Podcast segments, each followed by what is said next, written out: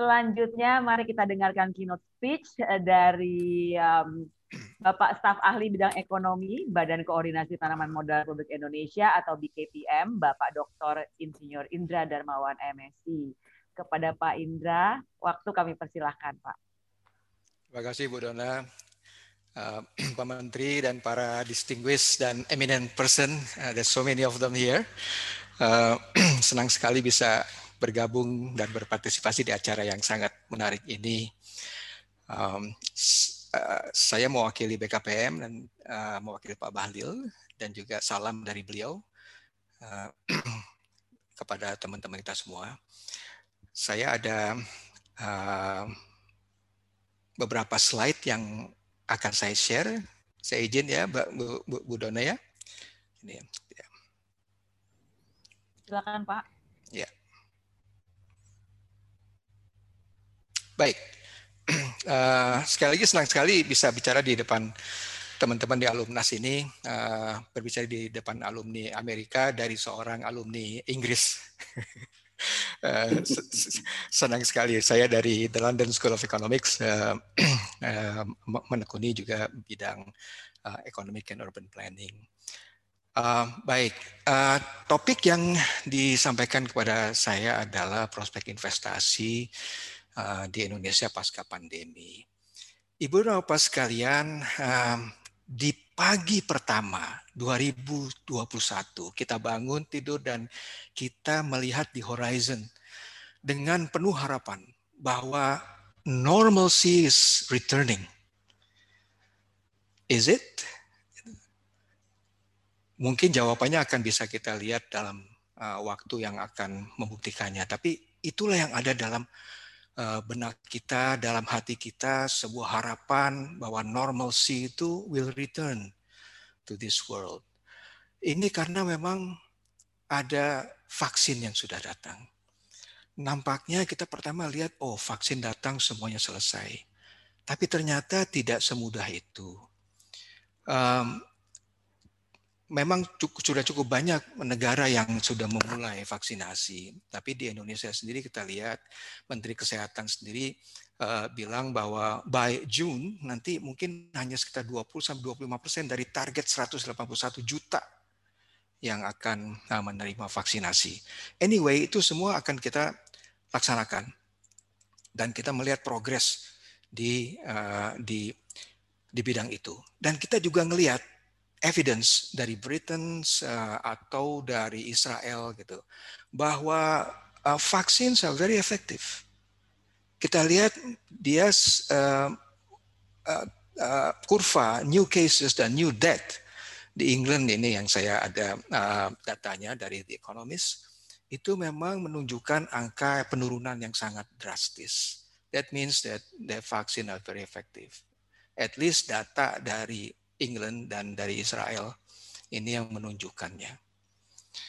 Anyway, ini bukannya menutupi uh, bahwa tidak ada masalah di dalam vaksinasi, tapi kira-kira harapan itu sudah mulai kelihatan di uh, horizon itu.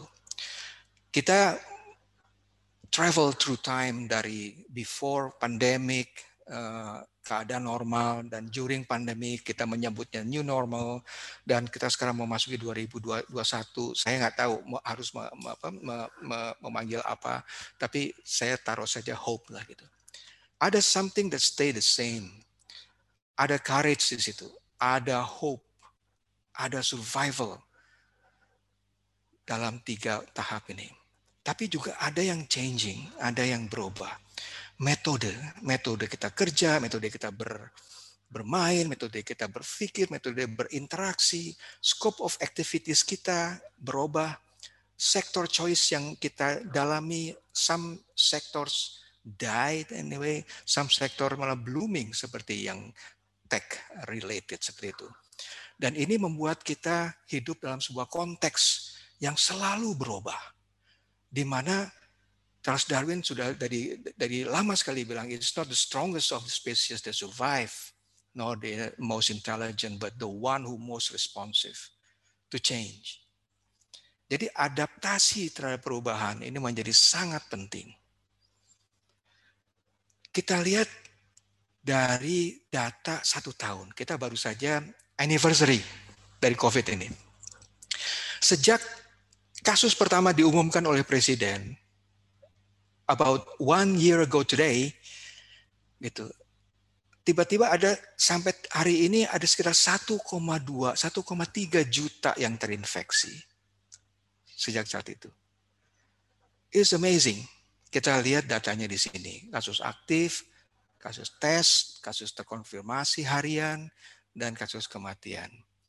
Ini yang menjadi cerminan buat kita bahwa apa yang harus kita lakukan harus bisa memberikan dampak untuk bisa memperbaiki. Dan kita juga sadar bagaimana tadi juga sudah di, uh, di, disinggung oleh Pak Menteri bahwa bagaimana pentingnya kesehatan ini bagi pertumbuhan ekonomi. Jadi kalau aspek kesehatan ini tidak tertangani, pertumbuhan ekonomi akan bisa terhambat. Makanya dalam bahasa yang populer, eh, pemerintah kita ini menjalankan polisi yang gas dan rem. Gas dan rem. Jadi membuat keseimbangan antara apa yang digas dan apa yang direm antara sektor dua sektor utama yaitu ekonomi dan kesehatan. Dan kita lihat bahwa seiring dengan pertumbuhan uh, case di global maupun di Indonesia di global 109,4 juta, pertumbuhan ekonomi global juga terpengaruh namun juga kita melihat ada hope, dunia merespon cepat, mengeluarkan berbagai kebijakan yang non konvensional untuk menyelamatkan jiwa dan ekonomi. Ini patut kita uh, teruskan dan kita appreciate. Kita lihat juga pertumbuhan kita selama 2020 kemarin, it's been a terrible year. Never before that we experience recession of this type.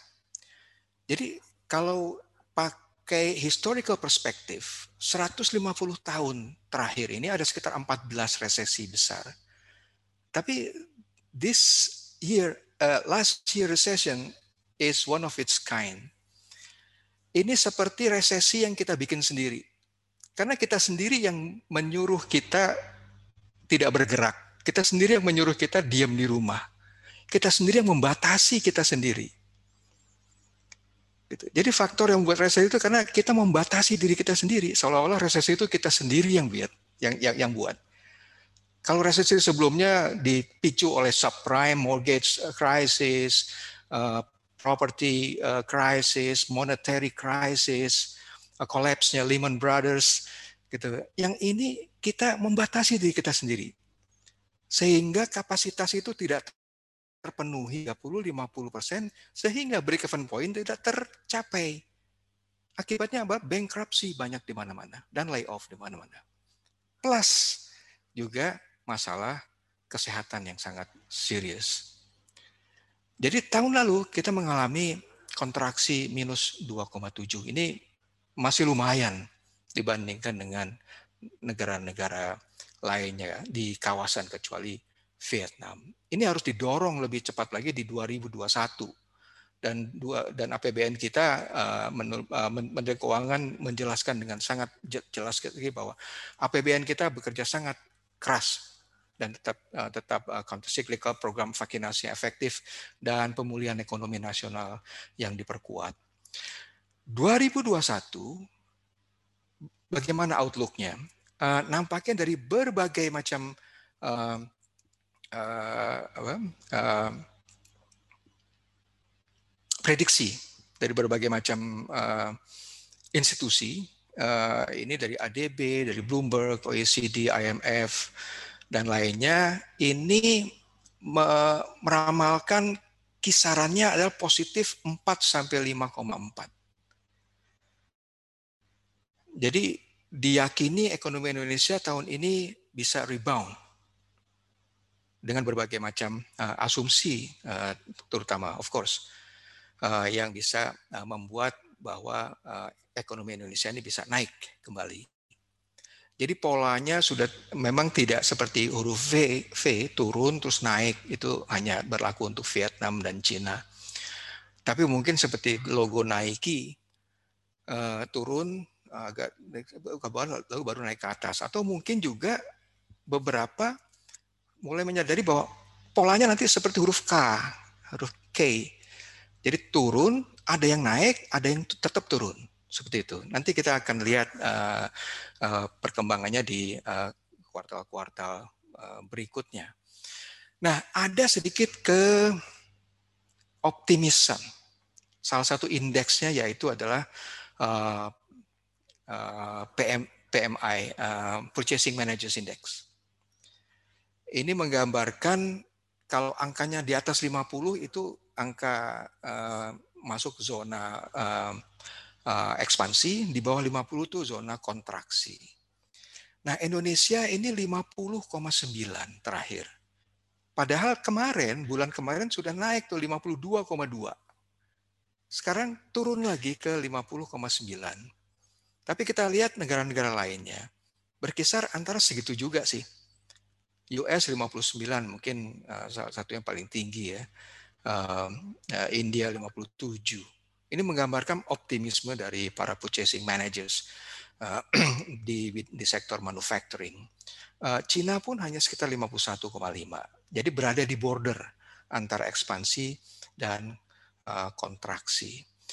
Secara daerah bagaimana? Daerah juga hampir semua daerah mengalami uh, kontraksi di Indonesia tahun lalu kecuali dua dua wilayah yaitu uh, Sulawesi Tengah dan uh, Maluku Utara di mana di sana ada processing sumber daya alam yaitu nikel oleh oleh investor dari China, billions billion of US dollar. With their presence, all of a sudden Indonesia become the second largest player in stainless steel in the regions. So um, mereka masih tetap terus um, bekerja dan menghasilkan pertumbuhan ekonomi yang uh, sangat tinggi, uh, tapi tidak dengan daerah lain seperti Bali misalnya kelihatan obvious minus 12 karena memang pariwisata sangat terdampak. Nah, itu uh, data secara umum. Nah, data di BKPM ini ada yang menarik juga. Data ini adalah tidak termasuk sektor hulu migas, Ibu dan Bapak sekalian, dan jasa keuangan dan asuransi tidak termasuk di sini. Jadi ini adalah data realisasi investasi tahun lalu yang tercatat di BKPM. Uh, ini cukup lumayan uh, data realisasi yang kami kumpulkan dari PMA dan PMDN ini tahun lalu mencapai 826 triliun. Yang menarik adalah uh, for the first time in history PMDN penanaman modal dalam negeri lebih tinggi dibandingkan dengan PMA. Biasanya PMA itu selalu lebih tinggi dengan 70 persen berbanding 30 persen PMDN lokal. Uh, saat saat ini PMDN yang lebih tinggi. Uh, untuk pertama kali juga dalam sejarah luar Jawa ini lebih tinggi, lebih besar, lebih uh, lebih tinggi nilainya dibandingkan dengan Jawa. Beberapa analis bilang bahwa ini mungkin salah satu buah dari uh, pembangunan infrastruktur yang masif selama lima tahun terakhir di luar Jawa. Jadi sepanjang Januari dan Desember tahun lalu, investasi yang berasal dari PMA dan PMDN yang kami catat eh, di BKPM ini setelah, telah menyerap tenaga kerja Indonesia 1,1 juta dari sekitar 153 ribu proyek investasi. Nah ini asalnya dari negara mana saja, dari Singapura paling tinggi, uh, tapi Singapura ini bisa, uh, dipakai oleh negara-negara sebagai hub, sebagai negara ketiga untuk masuk ke Indonesia. Jadi it could be anybody. Uh, contohnya misalnya dan proyek refinery dari Rusia dari Rosneft di Tuban kemarin yang joint venture dengan Pertamina dia masuknya dari Singapura. Jadi angka angka Singapura jadi tinggi. Kedua adalah uh, Tiongkok dan kalau kita combine dengan Hong Kong together uh, mereka menjadi sangat besar dan mereka overtake Jepang uh, untuk uh, pertama kalinya juga. Jepang biasanya nomor dua tapi karena ada uh, investasi yang besar sekali dari Tiongkok dan um, Hong Kong sehingga menggeser Jepang ke ranking keempat dan disusul oleh Korea Selatan uh, in the top five. Nah ini uh, sektor-sektornya untuk PMDN di transportasi, gudang dan telekomunikasi uh, sebenarnya bukan di transportasi dan gudangnya tapi telekomunikasinya yang uh, besar. Konstruksinya masih cukup besar. Uh, apa, perumahan kawasan industri dan, juga di bidang utilities. PMA as reflected tadi di di di di beberapa uh, table yaitu di industri logam dasar, uh, barang logam di uh, utilities maupun juga telekomunikasi. Uh, ini lokasinya um, di PMDN ini uh, Jawa Timur is a champion untuk uh, penanaman modal dalam negeri disusul oleh lima besar Jawa Barat, Jakarta, Riau dan Banten. Sementara untuk PMA Maluku Utara dan Sulawesi Tengah masuk merangsek ke um, ke top five uh, dari largest investor. Dan ini uh, yang kami dapat juga dari BPS, jadi ada 23 sektor yang sangat terdampak uh, di masa pandemi ini kehutanan terutama ternyata turun sekali dibandingkan dengan 2019 yaitu minus 82 dan hotel dan restoran minus 34 uh, persen dalam uh, dua tahun terakhir ini. Ini menjadi pertimbangan buat kami maupun buat siapa pun maupun buat private sector untuk melihat sektor-sektor mana yang bisa dikembangkan di tahun-tahun berikutnya. Nah, kami juga berkolaborasi dengan BI ya, untuk bisa memetakan kira-kira sektor-sektor mana saja yang masih bisa uh, uh, apa, uh, tumbuh uh, dengan dengan baik ke depan kita bagi dengan ada yang berisiko rendah tapi berdampak medium, berisiko medium berdampak medium, berisiko medium berdampak tinggi, dan akhirnya come up dengan prioritas satu dan prioritas dua. Yang kira-kira kalau kita combine prioritas satu dan prioritas dua ini akan berkontribusi terhadap sekitar lebih dari 35% dari PDB. Kita lihat ada industri makanan, industri kimia, kehutanan, tanaman hortikultura, perkebunan, biji logam, industri kayu, industri furniture, uh, dan lain sebagainya. Uh, ke depan kita salah satu modal kita adalah optimisme. Uh, tapi kalau kita melihat optimisme kita juga harus melihat sedikit ke belakang apa yang terjadi di tahun lalu di Oktober 20 2020 uh, kita lihat more and more firm ini dari World Bank more and more uh, firms use internet and digital platform jadi uh, yang no no no adjustment hanya 32 tapi yang some adjustment mereka melakukannya uh, hampir 68 persen. Jadi uh, nampaknya kita sudah melakukan adaptasi which is which is good which, which is good. dan kita harapkan lagi UMKM kita juga bisa beradaptasi. Uh, kita tahu bahwa DKM kita yang uh, 64 juta itu uh, hanya 13 persen yang terdigitalisasi so far saat ini. Jadi kita melihat more and more firm will will use technology to overcome their uh, uh, difficulties in doing business uh, Indra, in the months mo mo or years to come. Mohon izin waktunya tinggal dua menit lagi Pak. Terima kasih. Baik. Uh, mungkin uh, langsung ke uh, ke slide terakhir saja.